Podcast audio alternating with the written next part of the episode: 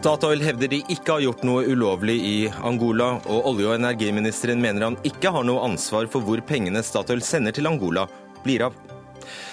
Hvordan kan én mann begå over 700 lovbrudd og samtidig gå fri?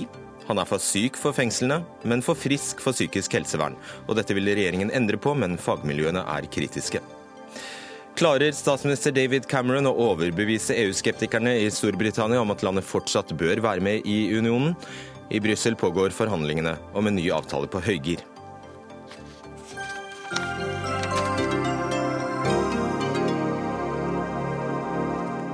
Da var det fredag, og ukas siste Dagsnytt 18 er i gang med meg, Fredrik Solvang. I dag skal våpenstillstanden for Syria tre i kraft. Avtalen om en pause i krigen ble framforhandlet for en uke siden av USA, Russland og en rekke andre land. Men eh, vil alle de ulike stridende legge ned våpnene? Vi skal straks se på konfliktlinjene, men eh, først skal vi snakke om dem på bakken. Ikke bakkestyrker, ikke IS, men vanlige mennesker som prøver å leve sine liv. Velkommen hit, Jan Egeland. Takk. Generalsekretær i Flyktninghjelpen og leder for FNs arbeid for å hjelpe syrerne. Dere har denne uka fått, eh, fått til det du betegner som et gjennombrudd. Hva består det i?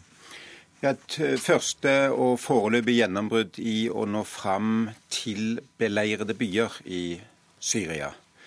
Dette München-møtet som den internasjonale støttegruppen for Syria avholdt for en uke og to dager siden, der ble det nettopp vedtatt av USA og Russland og alle de andre landene som har innflytelse på bakken, den våpenhvilen du snakket om, og som er veldig vanskelig å få gjennomført.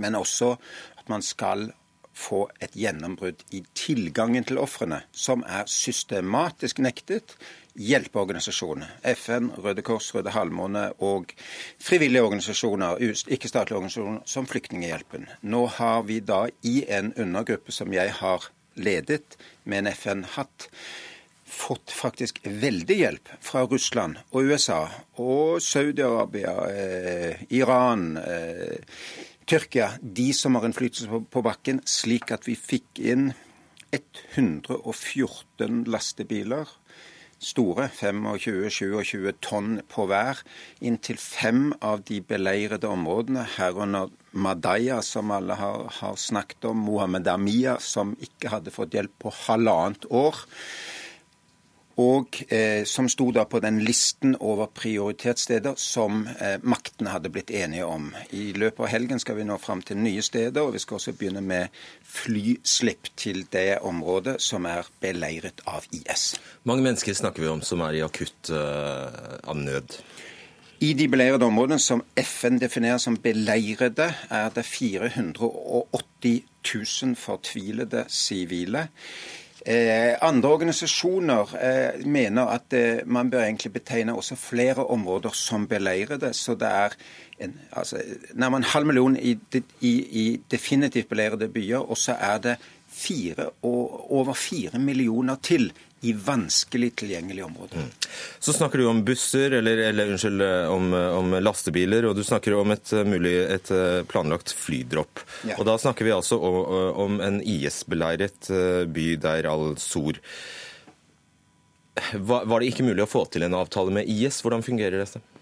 Nei, altså IS er, er, utenfor disse forhandlingene fullstendig. IS blir da regnet som en terrororganisasjon av FN, også al-Nusra-fronten. Alle de andre væpnede opposisjonsgruppene er man i kontakt med, er FN i kontakt med, og de andre humanitære organisasjonene. De var jo også i Genéve for forhandlinger. Forhåpentligvis kommer de tilbake. IS kan FN ikke forhandle med, og vil helt IS vil heller ikke forhandle med FN. Det betyr at den eneste måten å nå fram til 200 000 mennesker i Deir es-Sur, som ligger altså midt inne i det IS-kontrollerte området, og som fortsatt holdes av regjeringsstyrkene, eneste måten å nå fram til dem på, er gjennom flyslipp. Det er eh, jo et desperat tiltak i desperate tider. Fortell litt, altså, sikker på at Mange lurer på hvordan, dette, hvordan flyslipp egentlig foregår. Man sikker, er, kan man være sikre på at man at man eh, treffer riktig?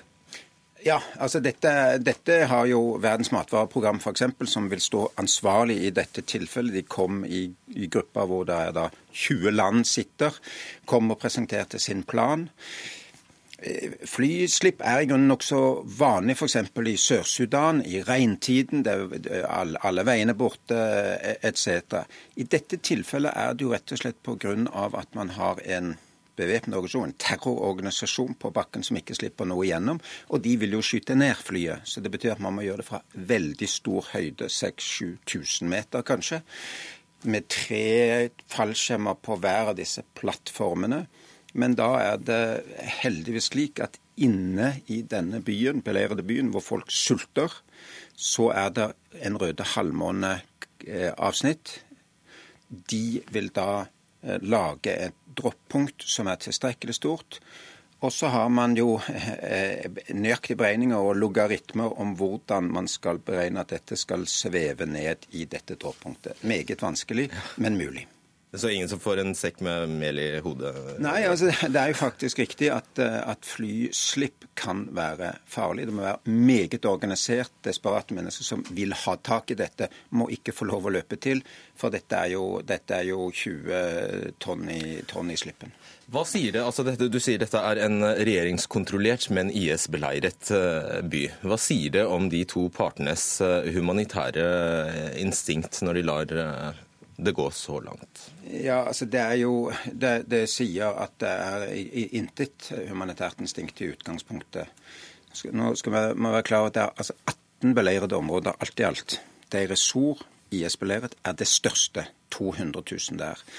Eh, det er jo også områder som har vært og er beleiret av de andre bevæpnede opposisjonsgruppene. Eh, nei, det er, dette er en krig uten regler. Det, vi skriver 2016 men man oppfører seg som om det var 1816. Altså dette, Beleiringene er jo tilsvarende det var under napoleonskrigene, f.eks. Eller for den del under andre verdenskrig. Og det er en krigsforbrytelse? er det ikke? Det er en krigsforbrytelse å bevisst eh, sulte ut også sivile. Logikken som ligger bak, er jo rett og slett at det er kostbart å slåss gate for gate, hus for hus. Og de vil heller la kvinner og barn dø inne i disse byene enn å risikere egne væpnede menns liv. Det er etter mitt skjønn, ja, og etter folkerettens skjønn, en krigsforbrytelse. Hvor får du pengene fra? Altså, Er det penger nok til disse nødhjelpsaksjonene nå? Ja, Vi har faktisk fått eh, penger de siste dagene fra ja, USA, Tyskland, Nederland i dag. Eh, mer enn nok penger til disse flyslippoperasjonene, som er en, en, kostbar måte å drive hjelpearbeid på. Eh, det London giverlandskonferansen, som Norge var medarrangør for, har også vært meget vellykket. Nå strømmer pengene til. Det vi trenger, er jo part, at partene oppfører seg slik de skal i henhold til folkeretten. Og det er der igjen heldigvis vi må få mye mer press på fra russerne og amerikanerne, bl.a. i det arbeidet jeg leder. Og til slutt, kan en av årsakene til at pengene nå strømmer inn, være at de europeiske landene håper at det kan eh, demme opp for en svær flyktningstrøm? Ja, og det er i og for seg en annen, annen, en annen diskusjon. Men det er jo klart at uh, avtalen mellom EU og Tyrkia er jo, er jo, klart også knyttet til at man ikke vil at folk skal komme til Europa. Det er ikke et særlig aktverdig motiv, etter mitt skjønn, men eh, jeg er hjelpearbeider. Jeg tar imot penger og hjelper de jeg kan. Takk skal du ha, Jan Egeland. Vi går til deg, eh, Morten Myksvold. Du driver eh, nettstedet tyrkiskpolitikk.no, og du har skrevet en ytterst dyster kronikk i Bergens Tidende i dag, hvor du spår fortsatt krig og flyktningstrøm. Hvorfor har du så veldig liten tro på den våpenstillstanden som skulle starte i dag? Grunnen til det er for det meste at det er eksterne aktører som forhandler på vegne av eh, syriske eh, grupperinger. Opposisjonen eh, var i Genéve, men de fikk ikke delta i selve forhandlingene der. Eh, de kurdiske styrkene i YPG eh, var ikke invitert til, til konferansen. Eh, og det er så mange ulike konflikter som pågår samtidig i Syria at det er vanskelig å se for seg at en en fredsavtale eller en våpen, våpenhvile skal være forankra når det er mest eksterne aktører som, som forhandler. Er det bekmørkt? Er det beksvart? Svart? Ja, jeg ser ingen måte, positive ting annet enn som, som Egeland sier, at, at en kan komme inn i de aller verste områdene med nødhjelp. Ellers er det ingen positive tegn i, i Syria. Aleppo er i ferd med å, å falle. Eh, opprørerne holder på å miste grepet der og bli pressa fra, fra, alle kanter. Så Assad-regimet er jo på, på fremmarsj. Noe som gjør det vanskeligere å se for seg en, en politisk løsning på konflikten. Selv om det da kanskje kunne fått slutt på de aller verste krigshandlingene, så ser det er et forferdelig utfall. Jeg ser ikke mulighet for fred så lenge Assad sitter som, og, og, styrer Syria. Det vil bli en evig okkupasjon i, i så tilfelle, mm. fordi at krigen har gått, gått så langt og vært så ekstremt splittende. Og Hvis jeg bare skulle ramse opp noen av disse aktørene vi da finner i Syria, så er det altså IS, Al-Nusra-fronten, som er en Al Qaida-gren. Vi har som du nevner, kurdiske militser som får våpen fra USA. Vi har altså Tyr Tyrkia, vi har opposisjonen, flere grupperinger der som har fått våpen av USA. Vi har Assad-regimet, vi har Iran vi, eh, som er involvert, osv. osv. Hvem av disse gruppene er det som eh, kan føle seg mest presset nå, og villig er være nærmest å ønske en slutt? Eh, det er fristende å si ingen av dem. For opposisjonen er jo mest på, på tilbakegang. altså de blir, de blir veldig pressa. Eh, og Det som er, gjør situasjonen vanskeligere, er jo f.eks. at de kurdiske militsene, som, som, både Russland og USA stiller seg bak nå, eh, angriper opposisjonsgrupperinger som Tyrkia og USA støtter. Mm. Så er jo Al-Nusra-fronten og den Al Qaida-grupperingen er jo en del av dette opposisjonsbegrepet. Noe som gjør det mye vanskeligere å forholde seg til, til dem. Men det er altså USA-støtta militser som, som, støt, som angriper USA-støtta militser her. Og Du er jo Tyrkias ekspert. Eh, Tyrkia har lenge bedt, eh, bedt, om hjelp fra Nato og Vesten, og denne uka har eh, Tyrkia opplevd to bombeattentat mot militære mål. Uh, det største var det en syrer som kom med flyktninger som sto, bak. Hva gjør Tyrkia nå? De snakker om at de ønsker å gjennomføre denne flyforbudssonen, f.eks. Ja, Det er en, det en buffersone eller en flyforbudssone som Tyrkia har bedt om i, i fire, fire og et halvt år uh, nå, som de ikke har fått gjennomslag for.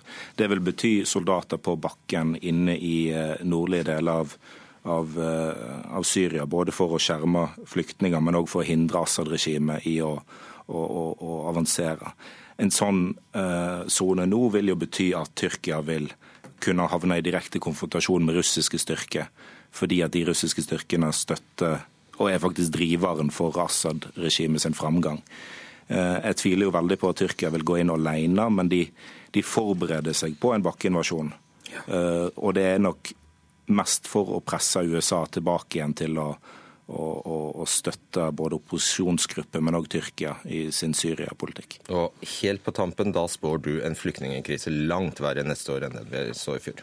Ja, Tyrkisk myndigheter frykter at 600 000, så mange som det, kan krysse inn i tyrkisk territorium eh, hvis Aleppo faller. I forrige uke kryssa eh, vel 70 000 menneskegrenser. Så jeg tror at, at, i Tyrkia kan det passere tre millioner flyktninger i år, og at, at eh, enda flere enn i fjor forsøker å komme seg over til Europa. For det er ingenting med krigen i Syria som tilsier at flyktningstrømmene skal avta. Men her hjemme diskuterer vi bare innstrammingstiltak. Og da, hvis det skjer, Jan Egeland, får du dessverre mer å gjøre. Ja. Takk skal dere ha, Morten Myksvold og Jan Egeland.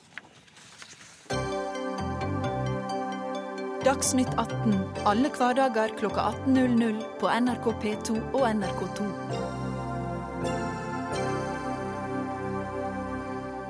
Olje- og energiminister Tord Lien mener det ikke er hans ansvar som eier av Statoil å følge pengestrømmer til ulike land, og heller ikke til Angola.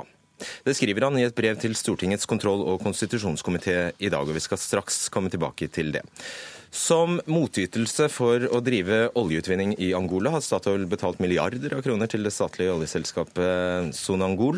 420 millioner skulle gå til et forskningssenter. Som av, som, hvor er det blitt av, Bård Ladd Pedersen, informasjonsdirektør i Statoil? Nei, Det er ikke eh, etablert ennå. Dette er jo penger som vi har betalt for retten til å drive letevirksomhet eh, utenfor Angola. Og For å få den retten så har vi og andre internasjonale eh, selskaper forplikta oss til et leteprogram, boring av brønner, til å betale forhåndsskatt, og noe er også øremerka til et forskningssenter og til sosiale prosjekter. Når var det dette, denne avtalen ble inngått? da? Den ble inngått ved slutten av 2010. Eh, og det er myndighetene som har ansvar, myndighetene i landet som har ansvar for å gjennomføre disse prosjektene. Dette er jo en del av den verdiskapninga som de krever for at vi skal få lov å lete etter olje i deres uh, områder. Og Så følger vi det opp overfor dem, ber om informasjon, følger opp at pengene brukes uh, sånn som de skal. Ja, og da har dere spurt hvor disse pengene har tatt veien, og spurt hvor forskningssenteret blir av, men har ikke fått svar da, eller? Nei, vi har ikke, det, Fremdriften på dette forskningssenteret jo, har jo ikke vært eh, god nok. og Derfor så fortsetter vi å følge eh, etter det. Utgangspunktet her er jo at Angola er en av de landene i verden med størst korrupsjonsutfordringer. Det er et krevende land å drive eh, forretningsvirksomhet. Det stiller store krav til oss. Derfor har vi jo vurdert dette veldig grundig med vår egen ekspertise, men også brukt eksterne eksperter for å være helt sikre på at det vi gjør, er i samsvar med antikorrupsjonslovgivninga i Norge ja. og i andre land. Det er den, det. Ja. Også, La oss bare gjøre den historien uh, kort. fordi de, Dere slår utvetydig fast at vi har ikke brutt korrupsjonslovgivningen, verken i Norge, Angola, USA eller i noen andre land. Det er det konklusjonen til Statoil. Det er riktig, det har vi vurdert veldig grundig. Vi har brukt eksterne eksperter også for å være sikre på, på, det. Så la oss bruke dette intervjuet på den etiske biten av dette her, og ikke den juridiske. Når dere da inngår en sånn avtale med Sonangol, og dere skal blir enige om at det skal bygges et eh, forskningssenter, fire år etter så er ikke dette senteret på plass. Har dere da inngått en avtale med Sonangol som innebærer at Sonangol skal holde, kan holde dette skjult? Nei, De har en forpliktelse til å bruke midlene sånn som det er eh, forutsatt. Det som er det vanskelige spørsmålet, og som er verdt å diskutere, det er jo kan norske bedrifter eh, betale skatt, eh, drive næringsvirksomhet i et land som har så store korrupsjonsutfordringer. Det har jo ulike norske regjeringer ment at det kan være et gode men det stiller også krav til selskapene. Vi mener at vi er i stand til å gjennomføre det på en lovlig måte, som jeg sa i sted. Og så er det en ting til. Vi har valgt å være åpne om alle våre innbetalinger til myndighetene i Angola.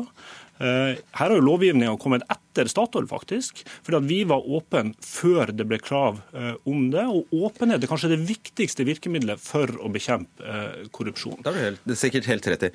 Likevel, dere skriver altså i brevet til Tord Lien at da dere skulle utbetale siste del av pengene til forskningssenteret, så var styret veldig klar over at dere løp en betydelig omdømmerisiko. Hva betyr det? Det har jo vært dekning av dette i, i media både nå og, og, tidligere, så det, det, var jo ikke noe vanskelig vurdering å konkludere med, med det. Men det, betyr var, at det kunne ta seg dårlig ut? Ja, altså det, det, er klart at det er problematisk for oss at fremdriften på dette senteret eh, ikke har vært eh, god. Det er jo derfor vi har fulgt opp dette i eh, økende grad. Det endrer ikke at det er angolanske myndigheter som har ansvar for både de skattebetalingene og de øremerka betalingene vi, vi, gjør, men vi ønsker jo likevel å følge dette opp. Og så er vår åpenhet eh, her viktig. For det gjør at ikke bare vi kan stille spørsmål, men også media kan stille spørsmål, sivilsamfunn eh, kan stille spørsmål. og så eh, ønsker vi å bidra til mer åpenhet også på myndighetssida i Angola. Har prøvd å bidra til det. Vi er en pådriver for åpenhet i industrien, sånn at vi kan få mer åpenhet. Ikke bare om de betalingene som vi er åpne om, men også om gjennomføringa av prosjekter som de er ansvarlige for. Hvorfor fortsatte dere utbetalingene? Vi er jo forplikta til å betale i samsvar med den kontrakten som vi har uh, inngått. Og det var ikke i strid med okay. antikorrupsjonslovgivninga, verken i Norge eller andre land. Derfor uh, gjorde vi det. Så er det jo selvfølgelig sånn at vi må fortsette å følge opp overfor angolanske myndigheter. Det kommer vi til å gjøre selv om innbetalingen er gjort. Og vi kommer til å jobbe for fortsatt åpenhet, ikke bare fra oss som ja. selskap, men også fra myndighetene, fordi at det er et så viktig virkemiddel for å bekjempe korrupsjon. Hvis det skal være et krav at, eh, og det står det i, eh, i brevet her det skal, det et, eh, Dere erkjenner ingen at dere, dere, erkjenner ikke at dere har gjort noe galt før det kan bevises, påvises, at noen har fått penger i lomma som er uberettiget? Nei, vi har, vi har en plikt eh, til å undersøke om det kan være sånn. Om det er noe informasjon som tilsier at noen har fått en uberettiget eh, fordel.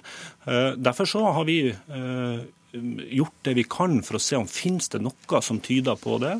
Diskutert med andre selskaper eh, som er til stede i Angola, som har mm. tilsvarende avtaler. Fulgt med på hva eh, organisasjoner og andre som følger åpenhet i Angola, eh, sier. Hatt dialog med, med, ambassaden og gjort det vi kan for å se er det noe som tilsier at denne, disse innbetalingene har gitt noen en utilbørlig fordel, som da er kriteriet i korrupsjonslovgivninga. Vi har ikke funnet noe informasjon som, eh, som tilsier det. Men så er vi jo likevel med, misfornøyd med at de ikke har hatt den fremdriften som de lovte, og som vi hadde grunn til å tro når det gjaldt eh, det forskningssenteret. og Derfor må vi følge opp det videre også fremover. Johan Hermstad, du er daglig leder i Fellesrådet for Afrika. Vi vet at eh, Angola er et av verdens mest eh, korrupte land, og ifølge Transparency International så er det faktisk et av verdens aller mest, eh, fem, femte mest korrupte, bare slått av Somalia, Nord-Korea, Afghanistan og Sudan. Hvor sannsynlig er det at Statoil ikke skulle ha Eller la meg omformulere. Når burde nok være nok for Statoil? Nok burde vært nok da Statoil ikke fikk anledning til å gjennomføre den typen integritetstester som de vanligvis gjennomfører ved alle sine sosiale prosjekter, eh, de de driver sjøl i Angola eksempelvis. Hva betyr det? Da, sikter, da sikter jeg til såkalte integritetstester, eh, hvor eh, de i, i kontraktforhandlingene med eh, angolanske myndigheter har blitt nekta muligheten til å skulle følge dette sosiale prosjektet, denne bygginga av forskningssenteret, på samme vis som de følger alle andre sosiale prosjekter som de eh, finansierer i Angola. Eh, I tillegg så er det jo slik at ja, bare, bare vent. Eh, så det du sier, eh, det du hevder skjedde, var at Statoil ble nektet å underskrive, eller Angolanske myndigheter ville ikke ha noe av en sånn, sånn avtale, og det bøyde Statoil seg for? Altså Angolanerne stilte krav i sin, da, i sin konsesjonsrunde og i, og i kontrakten som, som, de ga til Statoil, eh, hvor de sa da skal, nå skal dere finansiere dette forskningssenteret. Eh, I vår dialog med Statoil tidligere så har, så har, de sagt at ja, men da ønsker de å gjennomføre en såkalt integritetstest, eh, som de gjennomfører for alle andre slike type eh, forhold. Eh, og så har da Statoil sagt til oss at denne eh, integritetstesten fikk de ikke anledning til å gjennomføre for og like, likevel fortsatte de. Nettopp. Hvordan kan du, ja, bare Forklar det veldig kort.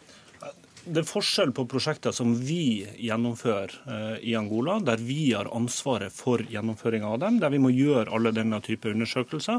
Og dette som i realiteten er litt forenkla sagt en øremerka skatt, og som er deres eh, ansvar. Så jeg er jo enig i at vi kunne ønska oss at vi fikk mer informasjon ut. Det er jo derfor vi etterspør det. Vi skal ha mer åpenhet om, om det. Men jeg håper Heimstad vil være enig i at den åpenheten som Statoil har vist, som ikke er kjent til at andre selskaper uh, har, vist, er i seg sjøl et viktig bidrag, uh, tross alt. Og Da blir det jo et spørsmål bør norsk næringsliv være til stede i, i Angola eh, når det er mye korrupsjon der? Og Vårt svar på det er at ja, det har vekslende norske regjeringer vært positive til. Mm. Og med den åpenheten som vi bidrar til, ja. så kan vi bidra tross alt til en positiv utvikling i et land som har store korrupsjonsutfordringer. Hva er ditt svar på det, Hemstad? Altså, dette er ikke, dette er ikke en debatt. Altså, Statoil vet meget godt også i de gjentatte møtene vi har hatt med Statoil om akkurat dette, at vi mener ikke at Statoil ikke burde være til stede i Angola. Eh, det vi eh, mener er at man må stille noen krav, og det handler om f.eks. å gjennomføre disse integritetstestene, som vi alltid gjør. Men i tillegg til det, så er det slik at den finansielle rapporteringa som Glad Pedersen sikter til, eh, land for land, som de gjør, som de, hvor de har vært foregangs, eh, et, et foregangsselskap. Eh, det er ikke tilstrekkelig. Altså, Angolansk sivilsamfunn og angolanske gravende eh, journalister understreker overfor oss, og har gjort det flere ganger, at det finnes ikke nok detaljer av denne rapporteringa til at de kan holde angolanske myndigheter til, til ansvar. Jette Christensen, du er medlem i kontroll- og konstitusjonskomiteen fra Arbeiderpartiet. Nå er det slik at uh, den mannen vi skal snakke om, Tord Lien, ikke kunne være til stede her eh, i kveld, så vi får snakke om han. Eh, etter høringen i kontroll- og konstitusjonskomiteen i januar så krevde eh, du svar på flere aspekter rundt hvor disse millionene befant seg, og hva vurderingene fra advokatene var, og ikke minst dette Sonangols forpliktelser overfor prosjektet. Føler du at du har fått svar nå? Jeg har fått et brev. Og i det brevet, og etter det, så har ingenting forandret seg. Vi har fortsatt mangfoldige millioner kroner som er på avveie i et av verdens mest korrupte land. Det jeg skulle ønske meg, var at både Statoil og Tord Lien utstyrte seg med litt sterkere lupe. Det eneste som er forskjellen på før vi fikk dette brevet i dag, og etterpå, er at pengene fortsatt vekke. Det er ingen som kan svare på hvor de er henne. Forskjellen på før brevet og etterpå er at nå vet vi at statsråden har sagt at det ikke er hans ansvar å være med og, og hjelpe å lete. Det mener jeg er problematisk. Når det er så mange millioner kroner som er på avveie, som man er betalt ut til et luftslott til et av verdens mest korrupte land, så bør statsråden se på det som sitt ansvar og bidra til det ledningsarbeidet og finne ut av hvor de pengene er hen. Jo, men Dette det er en sånn- sivilrettslig avtale mellom to selskaper. Hva skal statsråden eh, inn der blant seg? Statsråden eh, skal inn der gjennom eierdialogen og passe på at Statoil ikke bare overholder internasjonale forpliktelser og, norsk lov. Eh, For Statoil henviser også i sitt brev til at dette her er helt i følge med eh, internasjonal best practice. Men Norge er inne i, i land som bør vi være med på å flytte den best practicen. Vi må være med på å sette en annen standard. Vi må være med på å flytte grensene nærmere eh, en, en mer rettferdig handel. Og det opplever ikke jeg at eh, statsråden har et engasjement for, når han ikke, når han sier klart to ganger i et brev disse pengene på avveie, det registrerer jeg, men jeg er ikke interessert i å være med og men Heimstad, hvem skal finne ut dette her, egentlig? Altså, eh, Hvem skal gjennomføre disse undersøkelsene, f.eks.? Det er det jo, som Glabersen eh, sier, eksterne advokater og, og eksperter. Men hvem er det som har ansvaret for å ansvaret? eh, gi de det, opp, eh, ansvaret, eh, det oppdraget? Det er åpenbart at det finnes veldig mange ve- virkemidler her som statsråden ikke har tatt i bruk. Eh, det handler jo f.eks. om det å skulle gjennom sin eierskapsdialog og gjennom sin styrerepresentant instruerer om at eh, Statoil skal følge OECD sine retningslinjer for eh, Business and Human Rights, eller FN sine, eh, som er veldig tydelige på det, at man skal, eh, skal gjøre, en, gjøre noen ordentlige undersøkelser da, som går for, forbi de rent sånn her og fraskriver fraskrive seg et stra- strafferettslig ansvar. da. Eh, Ja, det skjønner jeg du er enig i. Bare liksom stille deg et superenkelt spørsmål. Når du selv åpner med å konstatere at Angola er et av verdens mest korrupte land, og at det gjelder å være trå, trå varsomt, stusser ikke du og Statoil også over at 420 millioner bare er borte? Jeg reagerer på den beskrivelsen av borte og, og avveie. fordi at um, Heimstad og andre er jo opptatt av at man må skal være åpen om hvor er det man gjør innbetalinger. Og Vi har fortalt nøyaktig hvor vi gjør innbetalingen. Vi gjør den til Sommergold IMP, som er konsesjonæren, som er i realiteten et myndighetsorgan. Ikke til noen konto eh, som privatpersoner har tilgang til, ikke til noe datterselskap, ikke til noen konto i utlandet, men til deres konto i Angola. Dette er et tema som dere har vært opptatt av. Dette må vi være åpne om. Vi er mer åpne enn noen andre selskap. Og så er jeg jo enig i at vi skal være med å utvikle Så du stoler fullt og helt på dette Sunangol, at det ikke er noen eh, urimelige bindinger til presidentfamilien eller Vi, vi, vi har forpliktelser til å gjøre undersøkelser uten eh, å, å, å, å stole på dem. Vi, vi, vi må legge til grunn at Angola er et land med store store korrupsjonsutfordringer. Derfor er det vi må gjøre så omfattende tiltak. Og det er derfor at vi ønsker å være med på å utvikle eh, best practice og utvide eh, hva det er. Og få til mer åpenhet, ikke bare fra selskapene, men også fra myndigheter. Ikke bare om innbetalinger, men også om gjennomføringa av prosjektet. Så hva skjer nå videre i komiteen? Komiteen skal ha sitt eh, neste møte 1. mars. Da får vi diskutere dette. Men jeg reagerer på at representanten for Statoil sier at fremdriften på bygging av senteret har ikke vært god. Så vidt jeg kan se, er fremdriften på bygging av det senteret vært ikke-eksisterende. Og jeg er bekymra for hvor de eh, pengene befinner seg hen. Og det bekymrer meg at statsråden ikke bekymrer seg for hvor de er hen. Vi får avslutte med den bekymringen. Takk skal dere ha, Bård Men vi kan fortsette å holde Sogndal ansvarlig for å etablere det senteret som de er forplikta til. Det er viktig. Eh, og, og som de Og så burde Statoil oppgitt disse opplysningene som nota i regnskapet sitt, slik at de kan re revideres. Okay. takk skal dere ha. Bård Lapp Pedersen, Johan Hernstad og Jette Christensen.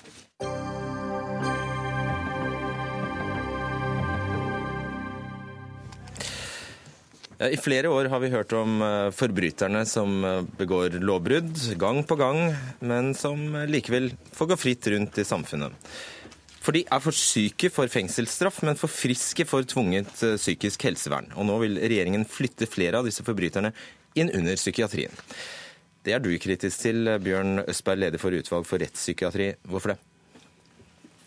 Vi mener at dette lovforslaget burde ligget litt i ro og tatt hensyn til eh, to ting, nemlig den utredningen som foregår mm, angående de som du nevner som kalles mellom alle stoler, og hva den gruppen egentlig består av. For den er grunn til å Vi vet at det er en heterogen gruppe som består av mange forskjellige kategorier. Og det burde vi visst noe mer om før man laget lover. Og det andre man burde vente på, er kanskje lengre fram i tiden, men allikevel Tilregnelighetsutvalgets, Justisdepartementets behandling av Tilregnelighetsutvalget. Bare prøv å forklare, sånn at vi har det, det på det rene. Hva, slags karakteris, eh, karakter, hva er det som karakteriserer de vi snakker om nå? Ja, de karakteriseres ved at de gjør mindre plagsom kriminalitet enn det man i sin tid sa skulle kvalifisere til særreaksjon. De som for eksempel? Ja, de stjeler og, og, gjør innbrudd, eller de er plagsomme mot uh, sine medmennesker. Men ikke med så alvorlig kriminalitet, hvilket juristen og kanskje Sulland kan karakterisere bedre, men, men ikke så plagsomme at de kvalifiserer til særreaksjon, slik man tidligere har tenkt. At dette er en gruppe som det burde gjøres noe med og gjøres noe for, det vi, mener vi. Men hva som skal gjøres, er veldig avgjørende. Hvor mange er de? Det er, det er, et stort problem å vite hvor mange det er. Eh, hvis man går inn i politiets registre, Strasak-systemet, så det, ser det ut som det kan være et betydelig antall. I lovproposisjonen så har Justis, Justisdepartementet anslått at det er få. Det vet vi ikke noe om. Så det er en annen grunn til at vi mener man burde ventet og se. Ja, og Spriket her, hvis jeg har forstått det rett, det er faktisk mellom noen og 20 og noen og 200 eller, eller noe sånt. Og der, så uenig er man. Det er tall det er operert med. Mm. Statssekretær i Justis- og beredskapsdepartementet, Vidar eh, Brein Karlsen fra Fremskrittspartiet. Eh, et annet poeng Østberg har, som jeg vet han har, men som, ikke, ikke, som du ikke rakk å komme innom i resonnementet her, er at psykiatrien er ikke dimensjonert for dette. Hvis du skal pløye alle disse inn i psykiatrien, så vil det fortrenge andre. Er det en bekymring du i det hele tatt har? Ja, Det er jo et tema som har vært oppe, men vi skal klare å få på plass til de også. Og Det som er litt viktig å, å huske på, det er at de aller fleste av de det er snakk om her, de har jo en eller annen form for krav på hjelp fra psykiatrien fra før. Selv om de ikke kommer inn gjennom den nye ruta øh, og gjennom domstolen og, og, og, og blir dømt til behandling, sånn som det her forslaget eh, legger opp til. Så, det høres jo ikke ut som de får hjelp i stor grad? Nei, de gjør jo ikke det. Og det er noe som ikke, som ikke treffer helt riktig. og Vi prøver å gjøre noe med det. Når Østberg sier at vi må la forslaget ligge litt, vel, denne problemstillingen har ligget i flere tiår uten å ha fått sin løsning. Nå gjør vi noe med det. Og, og, eh, som man også var inne på, det her er, det er folk som gjør betydelig kriminalitet, men ikke, ikke veldig ja, alvorlig. Svar kort på det, Espen. Hvor betydelig kriminalitet de gjør, eh, vil, er også heterogent i denne gruppen. Politiet har jo hatt forskjellige undersøkelser for å kartlegge både kriminalitet og psykiatri i denne gruppen. Men det, det er noen som i hvert fall blir tatt for flere eh, titalls og, og noen oppi flere hundre eh, lovbrudd. Politiet kan stoppe de fra å gjøre det, men de må slippe de ut med en gang igjen. Og Det er en, det er en uholdbar situasjon. Det er ingen som skal være fritatt for det systemet. Vi må ha et system som fanger opp den kriminaliteten som blir begått. Du er også skeptisk til dette forslaget fra regjeringen. Frode Sulland, leder i Advokatforeningen, og i en kronikk i Dagbladet trekker du fram flere dilemmaer. Nevn et av dem. Ja, Et av dilemmaene er jo at dette grunnleggende sett er folk som er eh, fritatt for straff. De er utilregnelige og har ikke skyldevne. Per definisjon skal altså ikke strafferettsapparatet bry seg med dem. Likevel er det, som Østberg sier, eh, lang tradisjon for at de aller farligste av disse, de som eh, utgjør en trussel mot liv, helse og frihet, skal man kunne ha en særreaksjon mot. Men man har aldri før så å si eh, vært inne på å skulle håndtere denne litt mer plagsomme gruppen, som begår mindre alvorlig kriminalitet, innenfor strafferettsapparatet. Man har ment at dette er det psykiske helseverns ansvar. Det er fint at man ønsker å gjøre noe med det, men vi mener altså at det er feil at strafferettsapparatet skal ta hånd om dette. Så ditt alternativ er? Mitt alternativ er det psykiske helsevern. Eh, det har imidlertid blitt bygget ned over år, slik at dette er en villet politisk utvikling, hvor man må ha sett for seg at det skulle være mer plagsom atferd ute blant borgerne. Så da blir konsekvensen? At man må ruste opp psykiatrien. Eller at de bare går fri?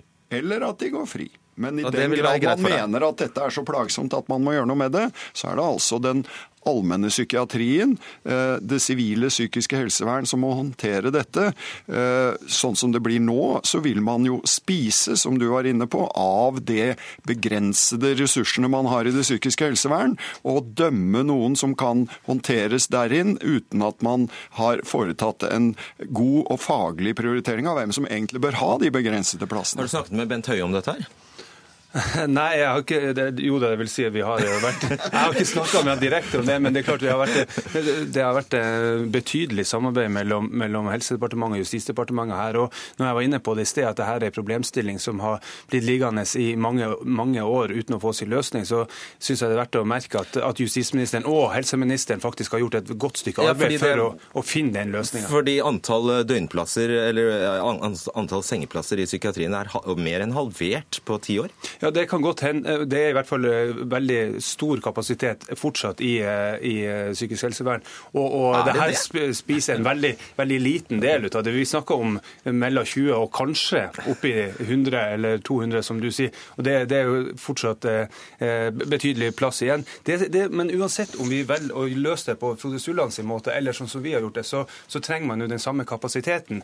Og Poenget vårt er at de her eh, folkene går veldig mye hvile hvileløst rundt og gjør mye gærent, og blir på en måte en slags sånn her pariakaste i samfunnet. Folk holder seg unna de som gjør mye kriminalitet. Så vi må hjelpe de også. Det er litt av poenget. og Nå har vi i hvert fall kommet med et forslag, og jeg er glad for å se at et samla storting står bak det. Kan ikke hende de blir friske da, Østberg? Det er en av de tingene vi burde vite noe mer om. Mye tyder på at de hittil eh, resultatene man ser, at dette er en gruppe hvor psykiatrisk behandling kanskje har lite å utrette. Så bekymringen som Sulland også har uttrykt, er jo at det da kan bli snakk om at de dømmes inn i psykiatrien, men at psykiatrien ikke kan gjøre noe, og at paragraf 5-6 i psykisk helsevernloven med videreføring til kriminalomsorgen.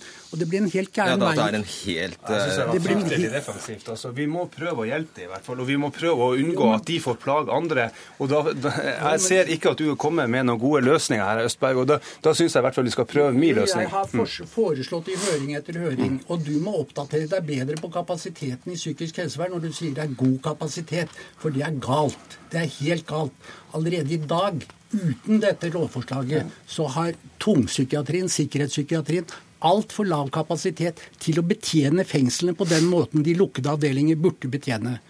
Og det, det har Det er ikke fengsel vi snakker om her, da. Men, Nei, men, men, ja. du snakker om kapasiteten i sikkerhetspsykiatrien, og at den er tilstrekkelig. Det er helt feil. Den er ikke tilstrekkelig.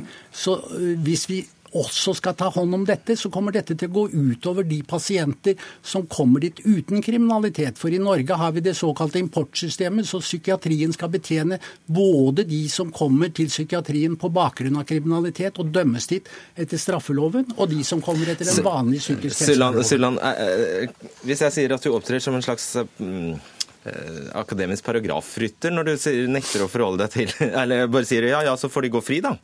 Ja, det er jo slik eh, norsk rettstradisjon har vært på dette området. Altså at vi av de som er syke, må akseptere uakseptabel atferd i det offentlige rom og blant oss borgere, i den grad helsevernet ikke tar hånd om dem. Dette har jo vært et en problemstilling som helt riktig har vært drøftet opp gjennom tiår, og man har altså alltid falt ned på en annen løsning enn den som nå foreslås. Det utvalget som dette forslaget baserer seg på delvis, var en arbeidsgruppe i 2008 som ikke klarte å fremme et forslag, for de syntes det var så vanskelig.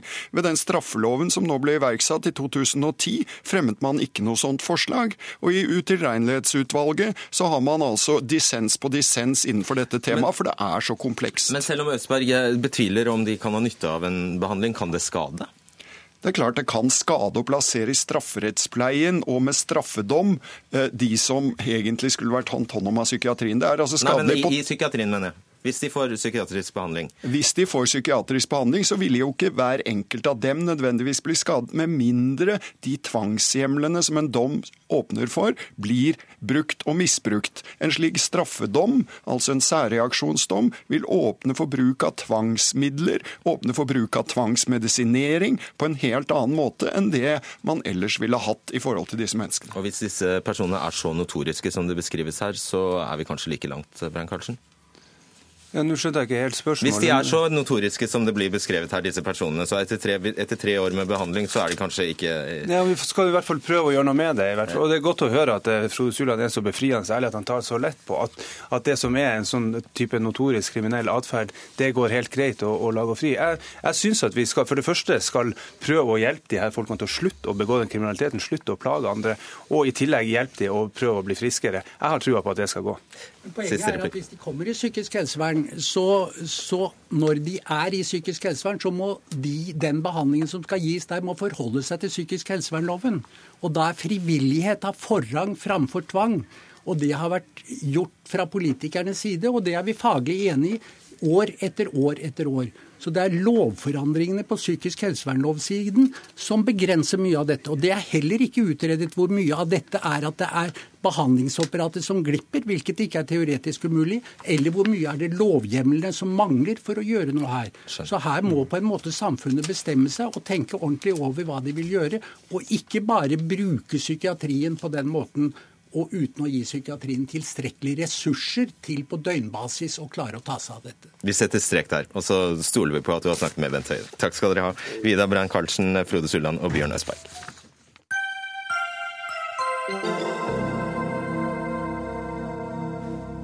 For da skal vi snakke om Storbritannia og EU. På toppmøtet i Brussel har statsminister David Cameron de siste dagene kjempet hardt for å få en best mulig avtale med seg hjem til London. Og nå i ettermiddag er avtalen ennå ikke i boks. Cameron har under forhandlingene med de andre 27 EU-medlemmene vært klar på at han bare går med på en avtale dersom Storbritannia får det landet trenger. Og Målet for ham er da en, uh, å overbevise britene om at, uh, og EU-skeptikerne uh, i eget parti om at, om at, fortsatt medlemskap er bedre enn utenforskap for nasjonen. Espen Aas, du er med oss fra, fra London. Det var altså i 1973 at Storbritannia ble medlem. Hva skjer nå? Ja, Det er virkelig åpent. Etter hvert som timene går, så svinner vel kanskje troen på at David Cameron klarer å få til en avtale. Ettermiddagsavisen Evening Standard her i London gjør i alle fall det, og mener at dette ikke går bra. Den forteller om flere av EU-motstanderne i Camerons parti som nå gjør seg klare. De slipper knivene, gjør seg klare til å kritisere sin egen statsminister for ikke å få til en avtale. Men det er ennå ikke avgjort, la det være understreket. Cameron gjør nå det han kan, men ettersom vi forstår, så har det vært langt mer problematisk enn det begge parter trodde i denne saken. Og hva er det da, selv om jeg skjønner du kanskje ikke har hemmelige kilder på innsiden av disse forhandlingene, hva er det vi kan anta lugger mest? Altså Det som har vært det vanskeligste hele tiden, har vært dette med trygdeytelsene. Fordi at Hvis ikke du får de samme trygdeytelsene som en arbeidsinnvandrer, som de som jobber der, ja, så er det forskjell på arbeiderne. Cameron har jo ment at arbeiderne må opp opparbeide seg rettigheter til både skattelettelser og trygdeytelser gjennom en fireårsperiode. Det fikk han ikke gjennomslag for. Så har han bedt om å kunne trekke en slags nødbrems dersom regjeringen mener at utbetalingene til utenlandske arbeidere blir for store.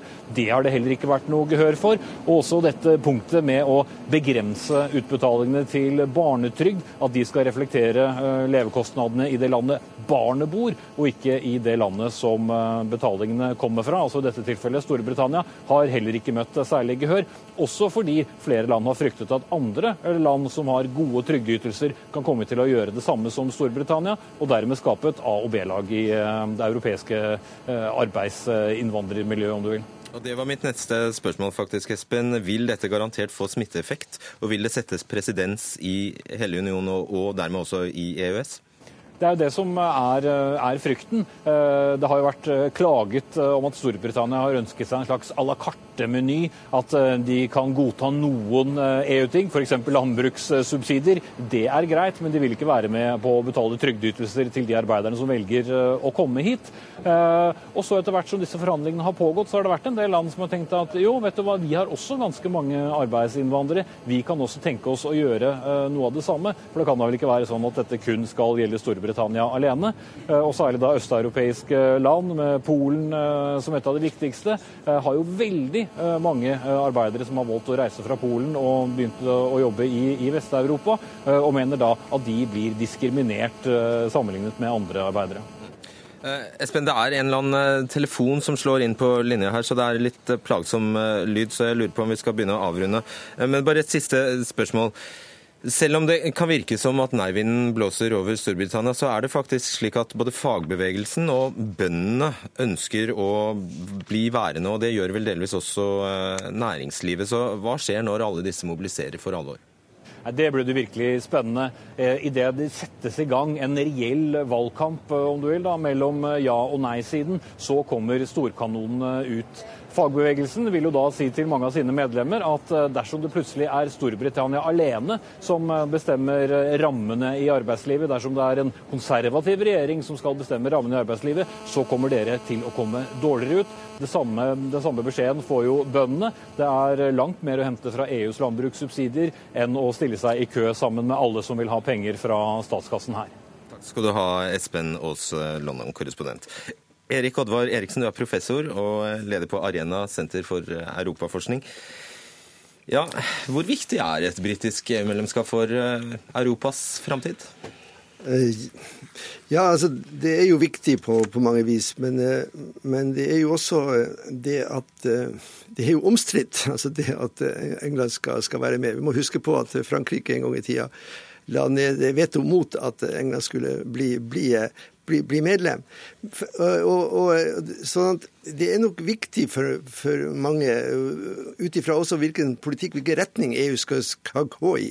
Så de som vil ha et mer frihandelsregime i, i EU, de, de vil jo gjerne ha, ha England med, eller Storbritannia med. De som vil ha et mer sosialt Europa, et mer fordypning i Europa, at du får et, et uh, at du går videre med integrasjon og får et slags United States of, of, of Europe, altså du får en føderalstat i Europa, de, de, jo, de ser seg jo litt sånn tjent med at eh, England ikke, Storbritannia ikke er, er med. Sånn at de er en bremsekloss, de har vært det hele tida, bremsekloss på, på integrasjon.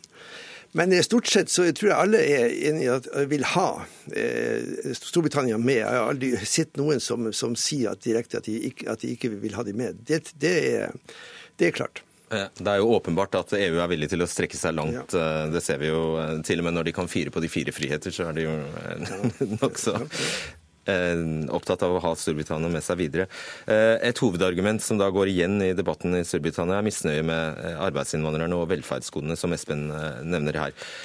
Hvor eh, sikker er du på, og dette er jo helt sentralt også det, eh, for, eh, for eh, et sånn prinsipielt i unionen, hvor, hvor, eh, hvor kan det ende? Altså, eh, så vidt jeg, jeg, jeg husker fra en sånn eh, oversikt jeg så en gang, så, så betydde ikke dette veldig mye økonomisk. Så det, det er jo en sy- sy- symbolsak.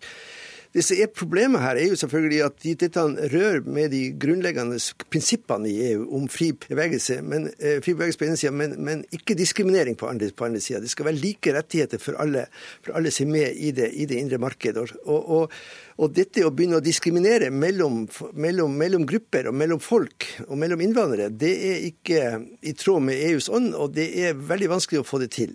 Nå er Det klart, det de har forhandla om, det er ikke traktatsendring. Det er mindre justeringer og nødbremser og tidsbegrensa ting. Det kan jo selvfølgelig gå, men, men dette rører med omtrent sjela til, til EU. Så det er veldig forståelig at det ikke kommer noe særlig vei, vei med det. Og til slutt, eh, Espen nevner jo at nå skal jo, hvis det blir en avtale her, så, så skal jo den eh, bli gjenstand for en folkeavstemning og en stor valgkamp. Men Nord-Irland, Wales og Skottland, der er det fortsatt flertall for EU-medlemskap. Ja, ja, jeg er så veldig redd for at eh, Storbritannia kommer til å få seg en blåmandag den dagen de stemmer, de stemmer nei. Altså, vi vet Skottland har jo forsøkt å få uavhengighet fra Storbritannia og er veldig eh, EU-vennlig. Det samme gjelder for faktisk Wales og, eh, og, og Nord- Nord-Irland. Så, så eh, EU trenger England, eller Storbritannia, men eh, jeg tror Storbritannia trenger EU enda mer. Så, så jeg tror det kommer til å bli svært, svært vanskelig å, å være utenfor. Og det verst tenkelige for, for de, men som kanskje er det sannsynlige scenarioet, at de ender opp i en slags Norges situasjon, som er, som er skrekkscenarioet for de. Altså. Ok. Takk skal du ha, Erik Oddvar Eriksen. Hør Dagsnytt 18 når du vil. Radio NRK Radio.nrk.no.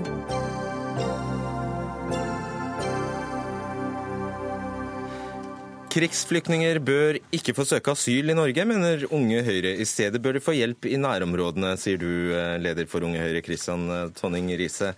Du er inspirert av en Civita-rapport uh, som Ja, jeg må, jeg må, korrigere deg litt. for Det er ikke sånn at de ikke, ja. ikke, sånn ikke skal få søke asyl, men det handler om hvem det er som skal få søknaden sin behandlet i Europa, hvem det er som skal få opphold her. Og Det store problemet nå er at vi egentlig har en veldig vilkårlig uh, asylpolitikk. At eh, de aller fleste kommer hit som eh, migranter som reiser irregulært. og Det gjør at vi ikke klarer å prioritere de som egentlig hadde trengt å komme mest til Europa. altså De som er i i FN-leire som ikke kan bli trygge i nærområdene. Mm. Så i all hovedsak så, så, så, mener jeg, som også dette notatet fra Torstein Ulserud og Silje Taraku i, i, i, Civita har tatt til orde for, at man bør gå over til et system hvor det er regionale beskyttelsesprogrammer som skal være hovedstrategien overfor krigsflyktninger, og at det er eh, FNs kvotesystem som skal være hovedveien inn i Europa.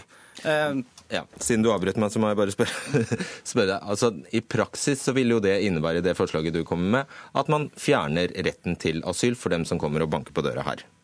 I praksis vil det bety at det er FNs kvotesystem som skal være veien eh, inn i Europa. Eh, og Det som er utfordringen... Ja, fra... Det vil bety at du ikke kan komme til den norske grensa og søke asyl og få søknaden behandlet her. Du kan søke, men du vil da ikke få opphold søke. i Europa. Ja, ja, det er riktig. Du, du vil ikke få opphold hit på, det, ved å komme hit på den måten. Det er riktig. Ja. Ok, det var det jeg ville fram til. Maria Mo, internasjonalt ansvarlig i, internasjonalt ansvarlig i KrFU.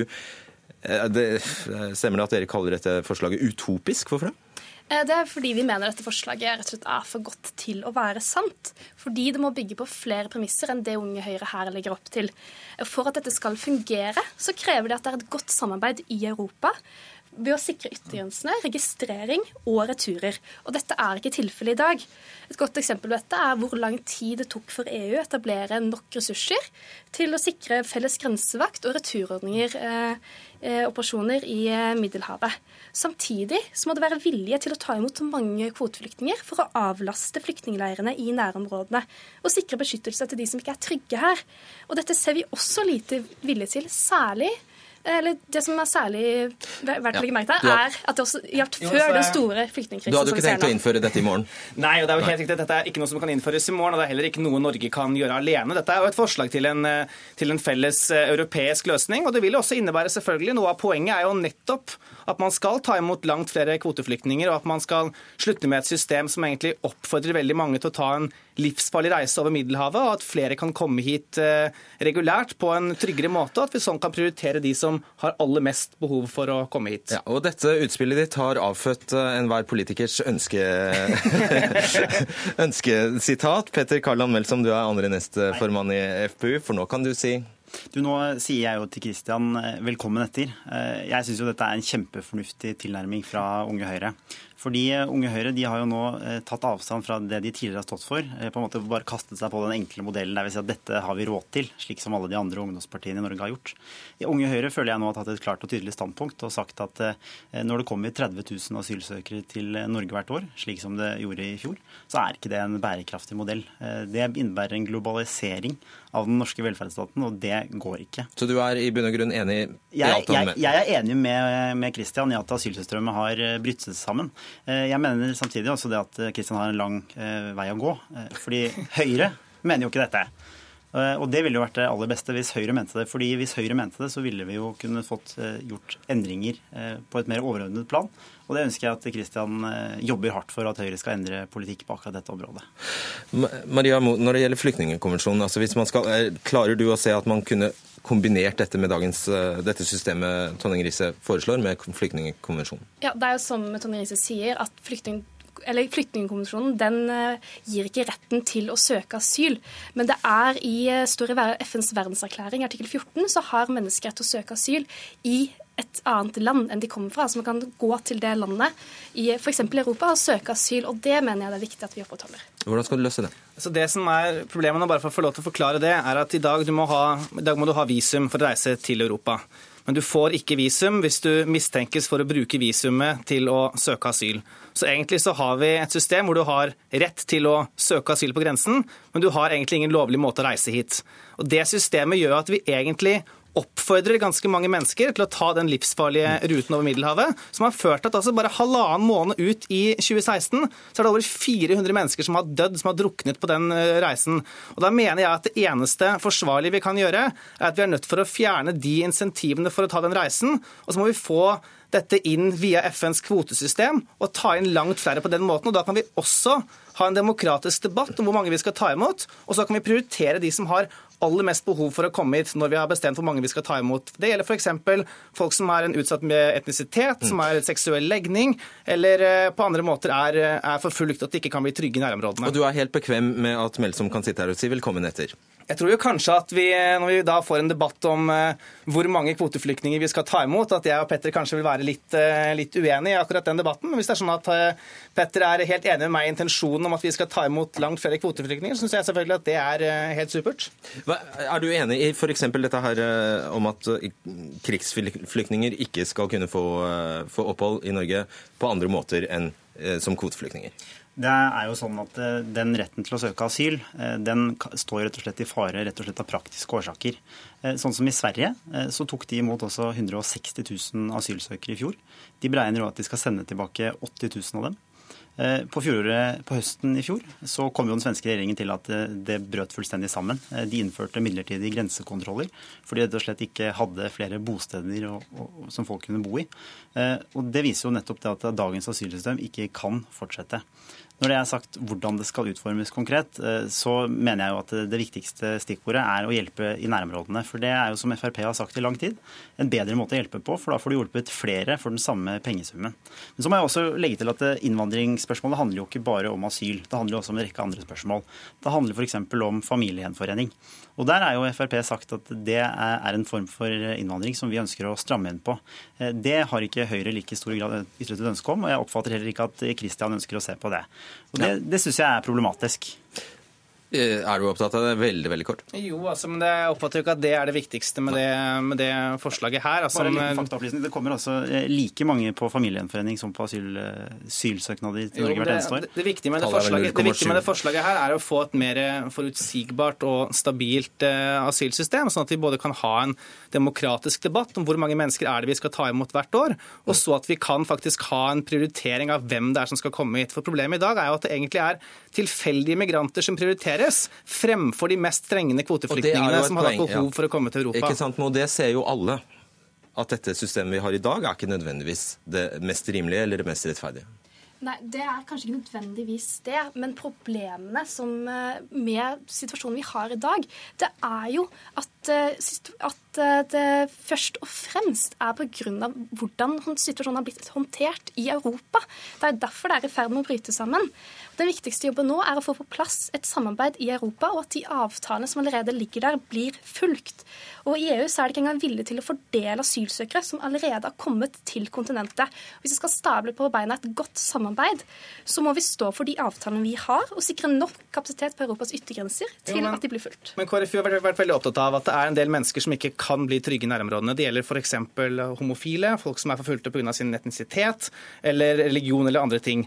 Og Problemet er at så lenge vi har et system som baserer seg på at folk skal komme de store mengdene skal komme tilfeldig til Europas grenser, så har vi ikke muligheten til å velge ut de menneskene fra FNs flyktningleirer som har mest behov for å komme hit og prioritere dem. Så jeg synes jo egentlig at Dette burde jo egentlig KrFU gi sin helhjertede støtte til, for dette er jo egentlig veldig i tråd med den intensjonen dere har hatt hele tiden. Men som du får de siste 20 sekundene her. Ja, bare for å kommentere det kjapt. Det var jo sånn at 70-80 eh, av de som søkte asyl i Norge i fjor, var eh, unge, friske menn. Det viser at det nettopp ikke er de som trenger det mest, som kommer til Norge. Men jeg har lyst til å gi honnør til KrFU, som tar opp spørsmål om avtaler i Europa. Schengen-avtalen har brutt sammen, og jeg tror også vi bør se på om vi skal suspendere avtalen etter hvert. Og da har du ti sekunder. Eh, Schengen-avtalen er kjempeviktig for å opprettholde tillit i Europa. Den virker jo ikke nå, da. Derfor må vi sikre mer ressurser, slik at vi kan opprettholde Europas åpne grenser. Det var siste ord. Takk skal dere ha, Kristian Tonning Riise, Maria Mo og Petter Karland Melsom, for denne sendingen er over. Det var Ida Tune Ørisland som var ansvarlig for eh, ukas siste Dagsnytt 18. I teknikken var Hans Ole Hummelvold, og i studio Fredrik Solvang. God helg.